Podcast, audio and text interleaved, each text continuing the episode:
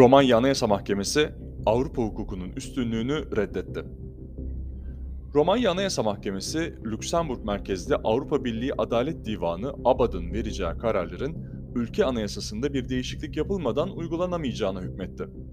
Bu durum, fiili olarak Romanya'nın daha önce Polonya'nın yaptığı gibi Avrupa hukukunun ulusal hukuk üzerindeki önceliğini sorguladığı anlamına geliyor.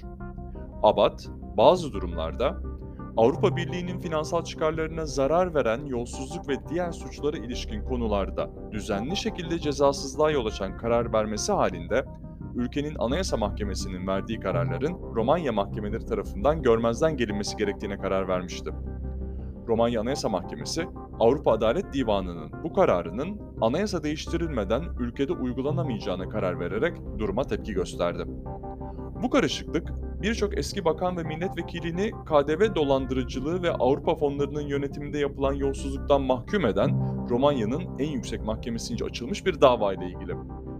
Anayasa Mahkemesi'nin mahkumiyetleri usulü gerekçelerle bozması nedeniyle davanın ertelenmesi ve zaman aşımı süresinin aşılması muhtemel görünüyor.